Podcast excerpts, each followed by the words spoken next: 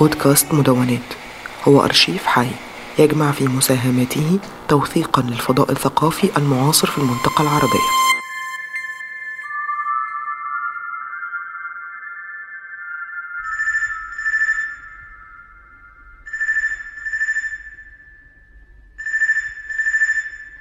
ألو؟ ألو.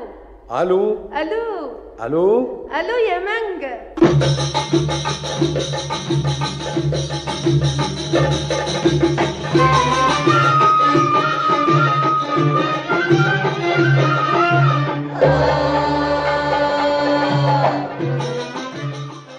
أهلا بيكم في راديو الغواصة. أنا يارا مكاوي. الحلقة التانية. أرشيف الكاسيت المصري. في الحلقة دي هنستضيف عمرو حميد. وهو فنان مصري متعدد التخصصات. من حوالي سنة بدأت أشوف صفحة أرشيف الكاسيت المصري على انستجرام وتابعتها وكنت بتبسط جدا كل ما أشوف غلاف جديد عمرو بيشيره على الصفحة. رحلة جميلة من الذكريات لشرايط كاسيت أنا فاكراها وعارفاها كويس أو حتى كمان اشتريتها. لحد ما بكتشف عن طريق الصفحة إن في عالم كبير ومثير من شرايط الكاسيت في مصر. قد إيه الإنتاج ده كان كبير وضخم في وقت كان الواحد فيه مننا صغير ومش مدرك كم الإنتاج الموسيقي ده.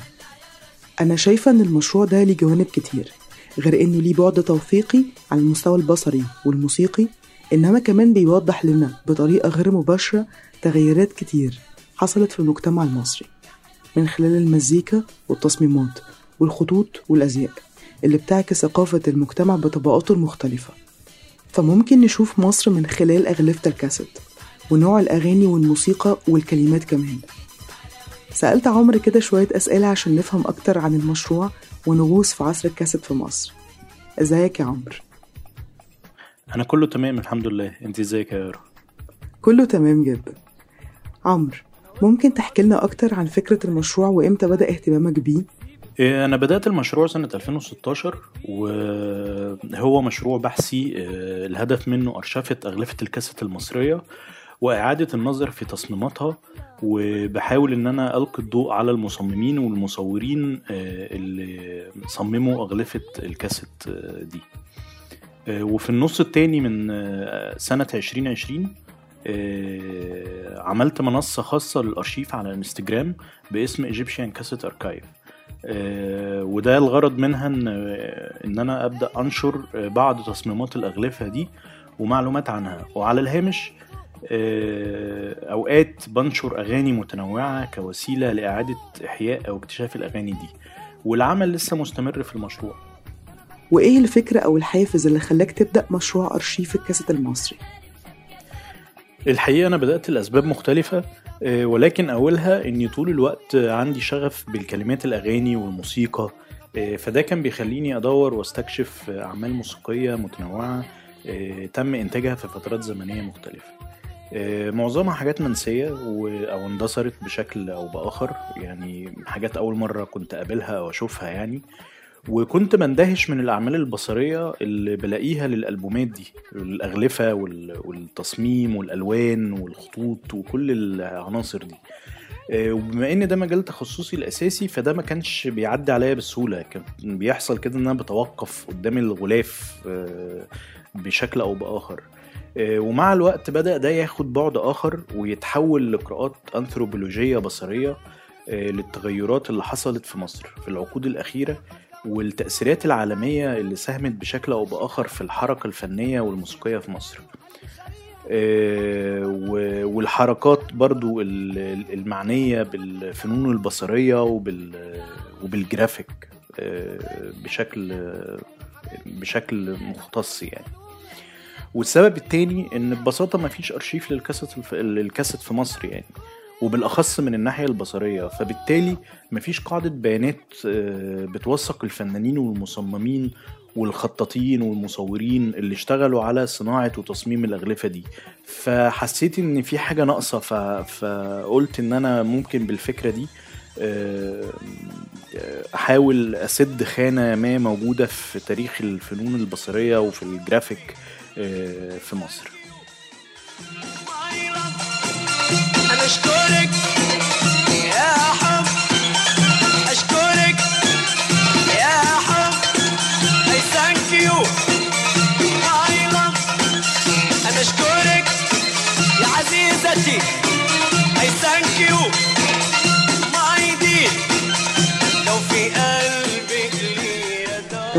الكاسيت بالتحديد انت اخترته يا عمرو.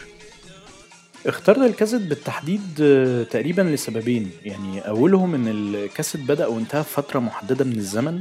يعني هو محصور في نطاق زمني كده ما بين 30 ل 40 سنة في العالم كله. آه، بدأ في السبعينات لحد سنة 2000 تقريبا. آه، وفي مصر بدأ يقل إنتاج الكاسيت من 2000 لحد آخر تقريبا آخر شريط كاسيت نزل كان 2009 2010 في الحدود دي. وده بما إن في فترة زمنية محددة فده بيخليني أشتغل في البحث على في النطاق زمني محدد فده بيساعدني أكتر بشكل ما إن أنا أركز آه، في البحث لأن الأمر محكوم بزمن آه، معين. آه، والسبب التاني إن الكاسيت هو الوسيط اللي كان متداول لما وعيت على الأغاني والموسيقى بشكل عام. يعني أنا مواليد الثمانينات فكان شريط الكاسيت هو الوسيط الأساسي آه، لأبناء جيلي لسماع الأغاني. فأظن إن ده برضو يعني أنا بعتبره سبب آه، شخصي إنه إن دي حاجة كانت آه، مرتبطة بالنشأة بتاعتي يعني. وليه مصر بس؟ ليه ما عملتش مثلا أرشيف بيشمل انتاجات الدول العربية كلها مثلا؟ ده سؤال جميل. يعني هو الفكرة إنه إن أنا لما بدأت البحث أدركت إن كم الإنتاج اللي في مصر يعني في زمن الكاسيت بس مهول لدرجة لا نتخيلها يعني مع مراعاة إن الأرشيف مختص بالأغلفة في الأساس. فلازم ألفت الانتباه إن في شرايط ليها أكتر من غلاف. يعني في شرايط نزل ليها طبعة أولى أو تانية أو آه، نزل في شركة إنتاج وبعد كده نزل بعد سنين معينة في شركة إنتاج تانية. فكل طبعة أو كل نسخة بيبقى ليها غلاف مختلف. فده بيخلي عملية البحث والأرشفة بتتضاعف. فلقيت إن التخصص خطوة منطقية في حالة زي دي عشان أقدر أوصل لتصور وهدف واضح ومحدد. وكمان لقيت إن أرشفة الكاسيت في مصر هتتقاطع بطبيعة الحال مع الدول العربية آه، لأن مصر طول عمرها ليها الدور الريادي في صناعة الفن والمحرك الأساسي من الناحية الإنتاجية والفنية آه، في الشرق الأوسط كله تقريبا. وأظن بعد ما أوصل للنقط الأساسية في البحث ممكن يحصل توسع ويشمل دول أخرى يعني. دي حاجة يعني ممكن في المستقبل تتحدد أكتر يعني. طيب عمرو على مدار متابعتي للصفحة والأغلفة اللي أنت كنت بتحطها قد إيه كنت ببقى مبسوطة ومنبهرة؟ لأن في أغلفة عددها مش قليل أنا كنت بسأل أنت لقيتها فين. وخليني أقولك إن السؤال في دماغي اتغير. بعد مدة طويلة اكتشفت إن ده بحث مهم أنت بتعمله. والسؤال دلوقتي مش أنت لقيتها فين السؤال دلوقتي أنت بتجيب الأغلفة دي منين يا عمرو؟ السؤال ده بتسأله كتير فعلا. يعني هو وحابب أوضح إنه جزء كبير من الأرشيف آه، هو في الأصل مقتنياتي الخاصة. وجزء تاني آه، جبته من إن أنا لفيت على بعض الأصدقاء والقرايب وعملت سكان لأغلفة الشرايط اللي عندهم. وفي منهم اتبرع بالشرايط اللي عنده للأرشيف. ومؤخرا بعد ما أسست صفحة الإنستجرام آه، تواصل معانا بعض الأصدقاء والمتابعين للتعاون معانا سواء بعمل إسكان لأغلفة الشرايط اللي عندهم أو إن هم اتبرعوا بالشرايط للأرشيف. فاللي حابب يتعاون معانا من المستمعين آه، يا ريت يراسلنا على صفحة الإنستجرام على طول تبقى حاجة آه، كويسة جدا يعني. تقدر تقول لنا قصة صناعة أغلفة الشرايط من حيث التصميم والألوان وكده؟ بصي خليني أبدأ القصة من الحرب العالمية التانية. ياه قصة قديمة كده؟ دي أقدم من كده كمان بس التاريخ ده ممكن يبقى مناسب أكتر لعصر الكاسيت وهشرح لك ليه لكن خلينا الأول نبص على صناعة شريط الكاسيت نفسه. شريط الكاسيت آه، تم اختراعه آه، في شركة فيليبس في بلجيكا آه، سنة 1963 وفي البداية كان تم إنتاجه كشرايط فاضية لغرض التسجيل. فبطبيعة الحال اخترعوا معاه الكاسيت عشان يقدروا يسجلوا عليه الشرايط. وبعد سنتين أو ثلاثة الموضوع بدأ يتطور و- وبدأوا يستخدموا شريط الكاسيت آه، في إنتاج شرايط موسيقية في أوروبا وأمريكا. وعلى سنة 1968 اخترعوا كاسيت العربية. فده خلق طفرة تكنولوجية ساهمت في انتشار الكاسيت بشكل كبير جدا. وعلى الرغم من إن ولادة ونمو الكاسيت في الستينات إلا إن لحظته الثقافية وازدهاره حصلت خلال السبعينات والثمانينات. آه، ونمت شعبية الكاسيت نتيجة لكونها وسيلة أكثر فاعلية آه، أسهل في التنقل سواء بحجم آه، بسبب حجم جهاز الكاسيت أو حجم شريط الكاسيت اللي متعداش كف الإيد. ولازم أشير آه، برضو للجانب التفاعلي اللي خلقه ظهور الكاسيت بينه وبين المستخدم. لما أتاح للناس إنها تعمل شرايط كوكتيلات للأغاني اللي بيحبوها أو إنهم يسجلوا رسائل صوتية عليها ويبعتوها لقرايبهم المسافرين بدل الجوابات. ده باختصار التسلسل الزمني آه، لانتشار الكاسيت و- أو اختراع الكاسيت وانتشاره. آه، قبل القصة دي ب 18 سنة انتهت الحرب العالمية الثانية واللي بسببها عاشت ألمانيا في صدمة ما بعد الهزيمة. وفي جانب آخر من العالم انتعشت أمريكا اقتصاديا وبدأت الثقافة الاستهلاكية في الظهور في المجتمع الأمريكي بشكل كبير جدا.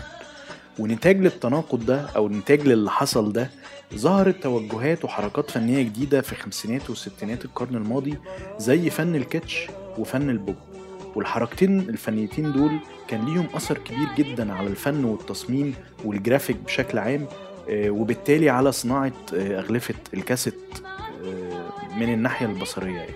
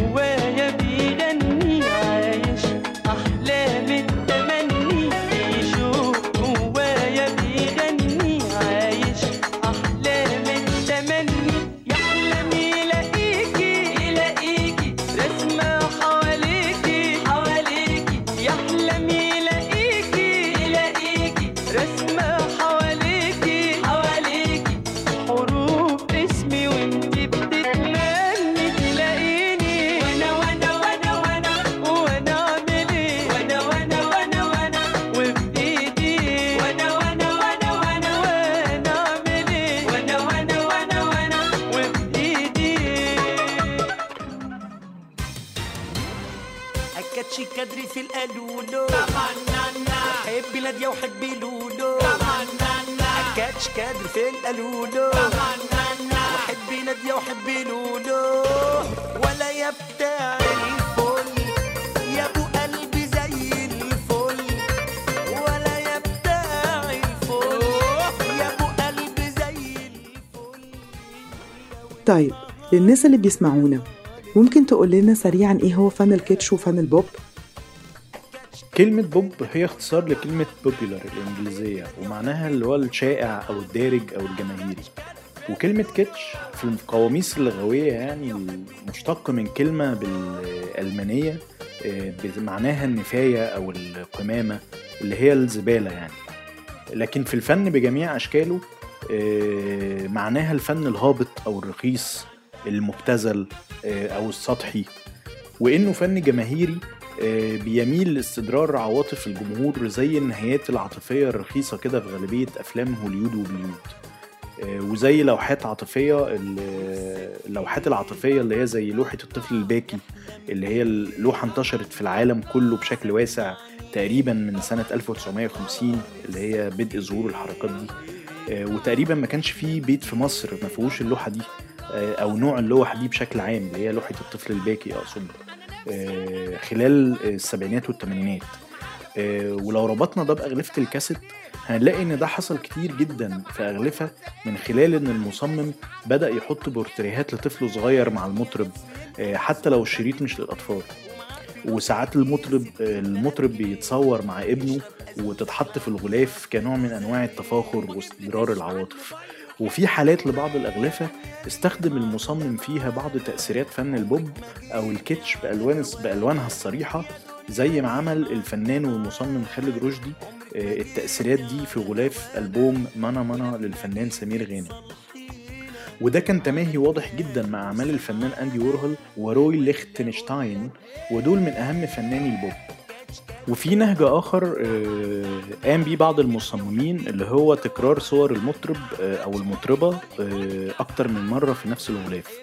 وفي أمثلة كتيرة زي غلاف شريط في السكة للفنان محمد فؤاد واللي صممه الفنان شاهر وهبة آه، أو غلاف شريط ميلي للفنان رمضان البرنس وده صممه الفنان محمد أبو عدي فهو في أمثلة كتير لفكر لحالة التماهي اللي حصلت مع فن البوب من ناحية أو فن الكيتش في صناعة الغلاف يعني.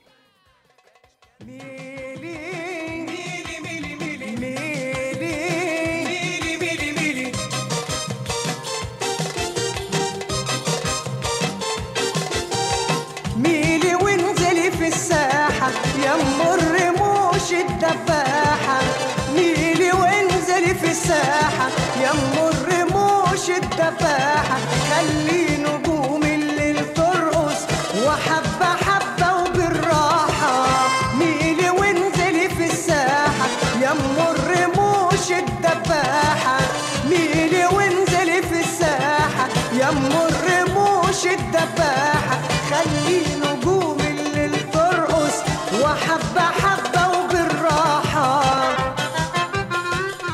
طب إزاي اختلفت تصميمات أغلفة الكاسيت عن تصميمات ال vinyls؟ هي اختلفت في جوانب متعددة لكن أهمها هو آه، جانب التطور الصناعي. يعني في تصميمات آه، في في ال vinyls كان بيتم الاعتماد على تقنية الطباعة بال silk screen وكتابة الخطوط بشكل يدوي بواسطة خطاطين. آه، في بداية ظهور الكاسيت في أغلفة كتير اتعملت بنفس التقنية دي. لكن مع الوقت تطورت آليات وتقنيات الطباعة ودخل الكمبيوتر واتطورت كاميرات الفوتوغرافيا ومع التطور ده اتغير الاعتماد على فكرة الخطاطين والرسامين والفنانين اللي بينفذوا التصميم ده بشكل يدوي أو بالإيد يعني. وبدأ آه، الموضوع يروح لناحية الكمبيوتر فده بدأ يظهر فكرة أو يظهر مسمى فكرة المصمم الجرافيك المعني بصناعة الإعلانات آم، وده آه، عمل بشكل ما نقلة ما بين فكرة ال- التصميم اللي كنا بنشوفه في ال- ال vinyls وما بين أغلفة الكاسيت وإيه هي أكتر أربع أغلفة أنت شايفها مهمة بالنسبة لك من خلال التصميم وعلاقتها بالمجتمع المصري؟ هو تقريبا كل الأغلفة كانت انعكاس لحالة المجتمع وده بيحدده نوعية الجمهور المستهدف ونوع الموسيقى وتصنيف شركة الإنتاج إن كانت شركات إنتاج كبيرة متوسطة أو صغيرة في الحجم. آه، فخليني أقول أمثلة أكتر بتتماهى مع تأثيرات فن الكيتش والبوب آه، على التصميمات. آه، زي ما قلت قبل كده مثلا ألبوم مانا مانا للفنان سمير غانم ده كان تصميم الفنان خالد رشدي. ممكن كمان أقول ألبي- ألبوم آه، آه، آخر ساعة للمغني شعبان عبد الرحيم آه، تصميم آه، الفنان محمد الشربيني آه، ألبوم الديسكو الفلاحي للمغنية سعاد منصور. التصميم ده غير معروف آه، مين اللي صممه يعني؟ وألبوم يا مراكبي للمغنية سيدة غريب تصميم الغلاف برضو غير معروف.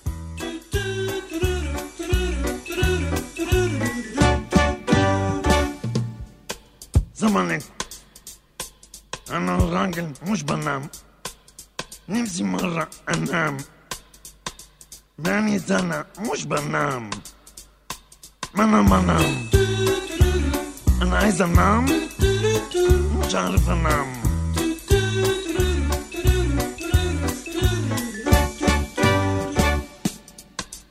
أنا ما تشرب شاي وأنت مش عاجب شاي أنا ما تشربش قهوة أنت مش عاجب قهوة أنا ما تشربش مية مش عاجب مية ومش بنام إزاي أنام يا أنا بنام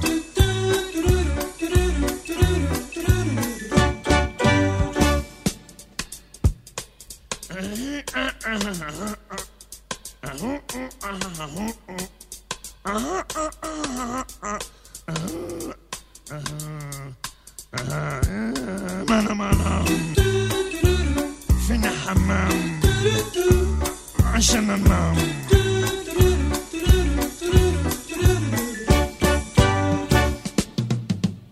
رحت بابا قلت عايز انام رحت ماما قلت أنا مش عارف انام رحت انتيزة قلت أنا مش عارف انام انام وبابا نام وتيزة نام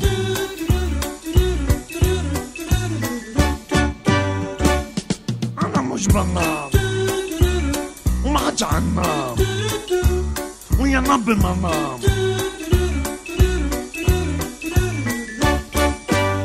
يا ربي ده كله نام بص يا عمرو هو أنا شخصيا بحب جدا ألبوم مانا مانا. تصميمه ومزجته وسمير غانم كده بالحالة اللي هو بيعملها في الألبوم. وكمان في حاجة عجبتني أنا شخصيا إن أنت شايف إن ألبوم الديسكو الفلاحي تصميمه مهم. لأن أنا كمان شايفاه إن في التصميم بتاعه وصياغته في المجتمع والمزيكا اللي كان بيقدمها كانت مختلفة جدا ومميزة في الوقت ده. طيب نرجع تاني وأسألك عن تفاصيل أكتر عن مين أهم المصممين اللي عملوا أغلفة مثيرة بالنسبة لك. السؤال ده إجابته محيرة لسببين. أولا إنهم كتير. يعني هم كتير فعلا كتير جدا. آه، يعني لحد دلوقتي تقريبا وصلت لما يقارب 70 مصمم مصري ولسه بكتشف أسامي جديدة.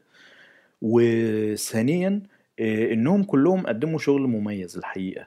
فخليني أوضح إن إجابتي في اللقاء ده قابلة للتغيير في المستقبل بشكل ما يعني أو يعني هتتنوع إن أنا هيعجبني حاجة أو حاجة لسه ما شفتهاش.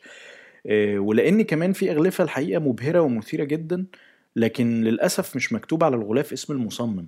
وده يمكن من أصعب الأجزاء في رحلة الأرشفة في المشروع. هل في أسماء تقدر تقولها لنا لمصممين أنت اكتشفتهم في رحلة البحث بتاعتك؟ أكيد طبعا. يعني هو في الفنان شاهر وهبة آه، بهاء حنورة آه، الفنان ناجي حلمي دكتور أشرف رضا. خالد رشدي محمد أبو عبية آه، سيد جاد وسامي خليل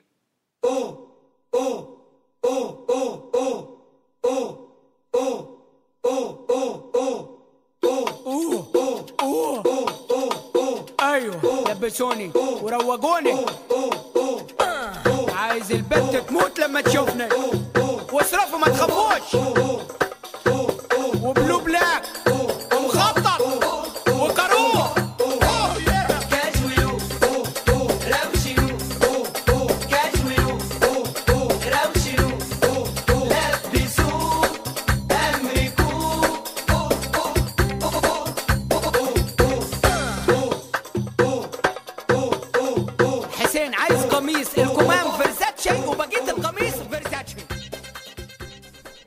إيه اللي أنت بتستناه من المشروع ده يا عمرو؟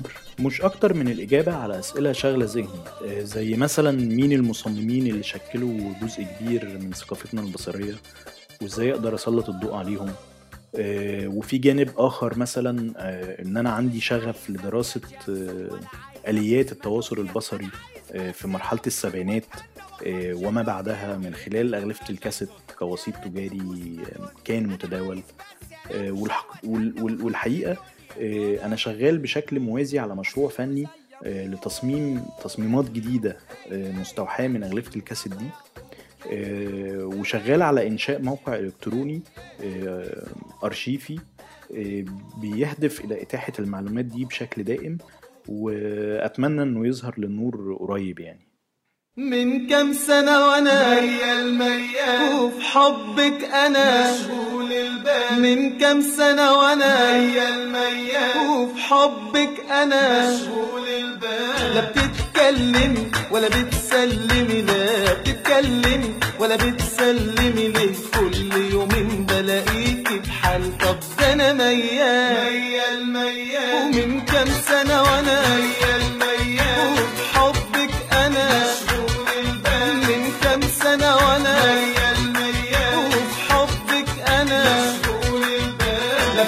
بتتكلمي ولا بتسلمي لا بتتكلمي ولا بتسلمي كل يومين بلاقيكي بحال طب ده أنا ميال.